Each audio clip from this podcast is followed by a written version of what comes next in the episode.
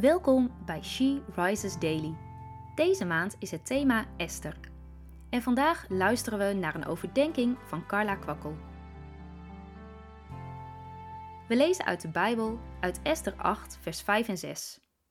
Zij zei: Majesteit, als u mij een gunst wilt bewijzen en als u met mij eens bent, stuur dan opnieuw een brief rond in uw rijk. Want hoe zou ik het kunnen aanzien dat mijn volk wordt afgeslacht en uitgemoord? Haar man was ontmaskerd en gedood. Mordecai en Esther waren nu hun leven zeker. Ze waren veilig, maar de Joden nog niet. De wet die was uitgevaardigd om de Joden uit te moorden, kon niet worden herroepen. En opnieuw gaat Esther naar de koning om nog eens te pleiten voor haar volk. Hoe zou de koning reageren? Dit was net zo goed een riskante stap als de eerste keer, want pas als de koning haar de scepter toereikte, was ze welkom om hem te naderen. Deed hij dat niet, dan was het einde verhaal voor Esther. Ze knielt voor hem neer in tranen en smeekt hem om het uitroeien van haar volk te voorkomen. En hierin zien we opnieuw Gods hand. De koning reikt haar de scepter en geeft Mordecai zijn zegel, de autoriteit om te schrijven wat hij nodig acht naar alle 127 gewesten van zijn rijk. Wat een geweldig bewijs van Gods goedheid en trouwe zorg.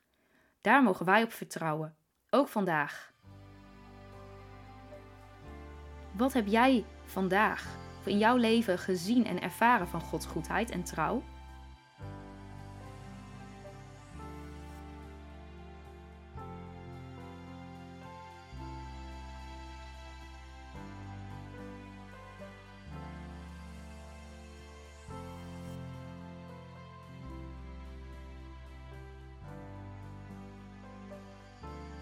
Laten we samen bidden.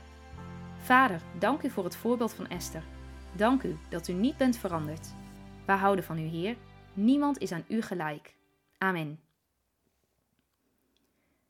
Je luisterde naar een podcast van She Rises. She Rises is een platform dat vrouwen wil bemoedigen en inspireren in hun relatie met God.